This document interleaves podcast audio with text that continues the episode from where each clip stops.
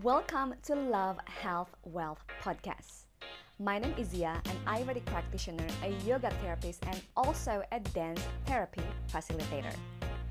Every Tuesday and Friday, we're sharing with you valuable information and inspiring interview, offering you a more holistic approach to love, health, and wealth so that you can have the body and life you love and love the body and life you have.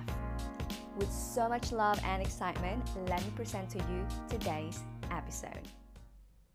Halo, selamat datang di Love, Health, Wealth with me, Zia, the holistic source for you to have the body and life you love. In this third episode, kita akan ngebahas tentang gimana caranya punya motivasi buat stay healthy, buat tetap sehat. Karena sebenarnya jalan menuju kesehatan itu nggak gampang karena banyak restriction diet lah, harus olahraga lah, inilah itulah. So how can you stay to the path? Pertama-tama, sebelum aku bahas dulu tentang gimana caranya supaya jadi termotivasi nih buat terus sehat, aku pengen ngebahas dulu tentang makna sehat itu sendiri dari Ayurvedic perspective. Secara holistiknya gimana sih? Nah, Sebelum itu lagi, aku mau bahas dulu tentang perbandingan antara Ayurveda sama conventional medicine system atau sistem kesehatan yang uh, kita punya sekarang, kayak typical GP dokter kayak gitu ya. So, one of the main difference, the biggest difference between Ayurveda, a holistic healing system, with the conventional medicine is that Ayurveda itu dia menekankan tentang uh, pentingnya mencari sumber masalah let's say contohnya nih ya kalau kamu sakit batuk misalnya terus kamu datang ke praktisi Ayurveda nanti tuh kamu bakal ditanya banyak banget tentang misalnya makannya kayak gimana, uh, tinggalnya di mana, cuacanya seperti apa, sampai ke hubungan kamu sama orang tua kayak gimana sih? Uh, apakah misalnya single atau punya pacar misalnya terus hubungan di kantor gimana di kerjaan? Lagi ada masalah nggak sama teman kantor? Karena di Ayurveda kita percaya bahwa kesehatan itu enggak cuma kesehatan badan fisikal doang aja tapi juga ada kesehatan emosi kesehatan mental dan juga kesehatan spirit yes semuanya ngefek satu sama lain. Contohnya nih kalau kamu stres kalau kamu misalnya banyak uh, pressure di kerjaan tiba-tiba mah gitu kan. Itu sebenarnya semua ada hubungannya semuanya saling uh, berhubungan satu sama lainnya. Nah ini salah satu perbedaan utama adalah bahwa Ayurveda kita emphasize root cause of the disease and how to see it holistically. Jadi nggak cuma dilihat secara fisiknya doang. Makanya kalau di Ayurveda, kalau kamu ketemu praktisi Ayurveda buat menyembuhkan health imbalance kamu, itu nggak cuma dilihat dari, oke okay, ini obatnya, karena sebenarnya kalau obat itu oftentimes it's just suppressing the symptoms. Yes, misalnya penyakit batuknya hilang gitu kan balik lagi ke contoh yang tadi. Tapi mungkin penyebabnya masih ada di sana. Contohnya misalnya penyebabnya adalah sebenarnya kamu itu ada emosi, ada unek-unek yang pengen kamu sampaikan, uh, yang kamu pendam, tapi nggak bisa kamu keluarin gitu kan. Nah, batuknya hilang sih, tapi kan sumber masalahnya masih ada. Jadi kemungkinan dia akan keluar lagi dalam bentuk penyakit lainnya. Nggak akan mau kan? Nah, makanya dari itu Ayurveda ini disebut juga sebagai holistic healing karena benar-benar dilihat dari semua angle uh, yang kira-kira menyebabkan penyakit tersebut terjadi. Yang kedua, Ayurveda juga dia menekankan uh, bahwa Ayurveda ini untuk menyembuhkan penyakit kronik dibanding penyakit akut. Apa sih bedanya? Contohnya gini, kalau kamu tabrakan, terus let's say kaki kamu patah, that's an acute disease. Now, with that case, that imbalance, that disease, you don't go to Ayurvedic practitioner or a holistic healing practitioners directly. You might want to go to UGD gitu kan, karena emang si modern science ini dia bagus banget buat um, purpose-nya buat menyembuhkan penyakit yang akut, yang um, hadir bukan karena lifestyle atau diet. Nah, misalnya let's say kamu harus di surgery, harus dijahit misalnya. Yes, Ayurveda ada, tapi that part is not really practiced as wide as the diet or lifestyle medicine in Ayurveda.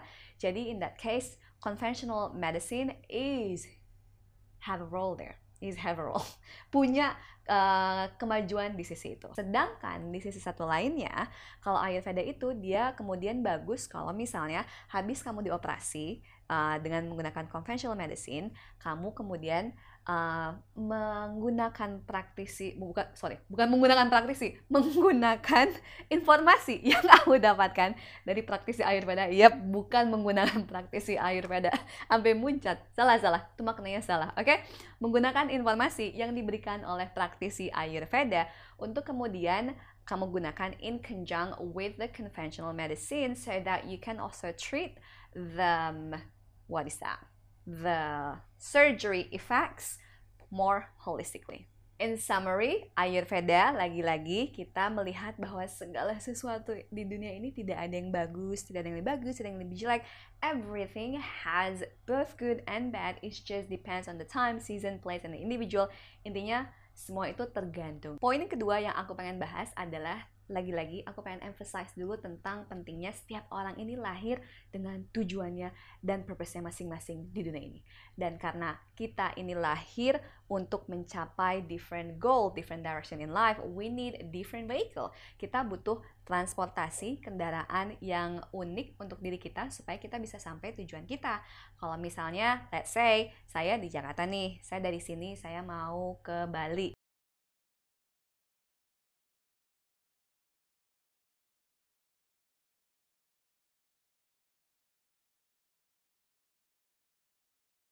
Atau let's say another case, kamu misalnya, let's say kamu lagi duduk sama saya di depan saya di Jakarta dan habis dari sini kamu mau ke Bandung. Nah, karena tujuan kita beda, kita butuh kendaraan yang beda dong. Kalau saya butuh let's say pesawat, kamu cuma butuh pakai mobil karena kamu cuma mau ke Bandung gitu kan. Nah, karena tujuan kita beda, kendaraan yang digunakan juga beda dong. Just because we need um, uh, the right vehicle to achieve our goal and purpose to the most efficient and effectiveness, right? Nah, karena dari itu kemudian itu ngefek ke bedanya ke apa bensinnya berbeda dong. Terus maintenance-nya beda. Pasti uh, kalau misalnya mungkin pesawat pakai aftur, mungkin mobil kamu pakai Pertamax doang gitu kan. Um, dan karena itu juga maintenance-nya beda banget. Nah, kalau kita lihat analogi ini, kita lihat di kehidupan nyata kita sebagai manusia Nah, karena kamu dan saya ini punya tujuan yang berbeda dalam hidup ini, kita dikasih kendaraan yang berbeda juga supaya kita sampai ke tujuan kita dan efektif dan efisien. Nah, contohnya nih ya, kayak saya, dominan badan saya itu adalah Vata dan pikiran saya itu dominan Vata sama Pita. Nah, karena badan saya ini dominan Vata, saya itu lebih kurus dibanding orang dominan Kapha, badan Kapha ya. Jadi, orang kayak saya ini one of my purpose in life, I knew that is to be able, I need to be able to keep traveling the world. I need to be able to keep moving around. Karena saya harus um, move, moving around, karena saya harus belajar dan saya juga harus ngajar, harus ketemu orang-orang gitu kan. Nah kalau badan saya dominannya lebih kava, saya pengennya di rumah misalnya nih karena badan saya lebih berat doesn't mean that kalau misalnya badan kamu dominan kava bukan berarti kamu juga nggak punya interest buat traveling the world maybe you actually have that interest to travel and to move around kalau pikiran kamu atau di Ayurveda istilahnya manas kamu ada dominan fatanya Nah, sayangnya di kehidupan kita saat ini, kita tuh kayak di brainwash tentang satu jenis badan atau satu purpose yang kayaknya lebih ideal. Contohnya kayak sekarang yang bagus itu adalah kerjaan jadi entrepreneur, startup founder gitu kan. And if we assess that from Ayurvedic perspective, kamu tuh butuh quite a lot of pita, fiery, dominant dosha, both in your body and in your mind, so that you can be that goal getter um, CEO or founder or entrepreneur gitu kan. Kenapa? Nanti aku bahas di episode yang kelima tentang elemen-elemen um, dan kenapa orang pita ini dominannya uh, sangat fiery dan passionate makanya salah satu kerjaan yang cocok buat mereka adalah sebagai entrepreneur But what if for someone like me who actually I just love to be a freelancer? I'm very creative. I just like to write. I don't like to keep doing the same thing every day. Atau buat orang dominan kava yang pikirannya gitu kan that they just love to help others. Some people are just really good on doing the same thing every day gitu kan. Is that mean we're less than startup founder gitu kan? Unfortunately and not unfortunately the answer is definitely no but unfortunately the society the world that we live in right now is favoring certain role.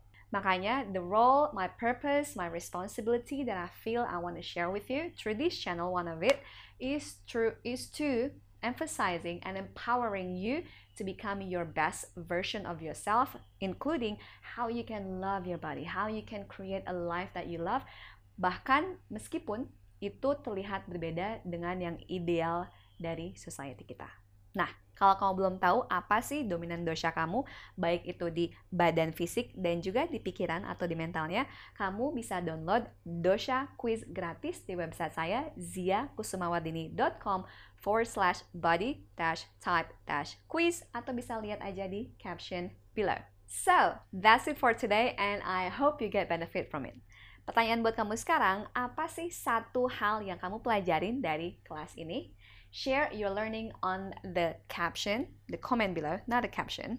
And when you're down there, be sure to like and subscribe so you will be the first to hear about our future classes.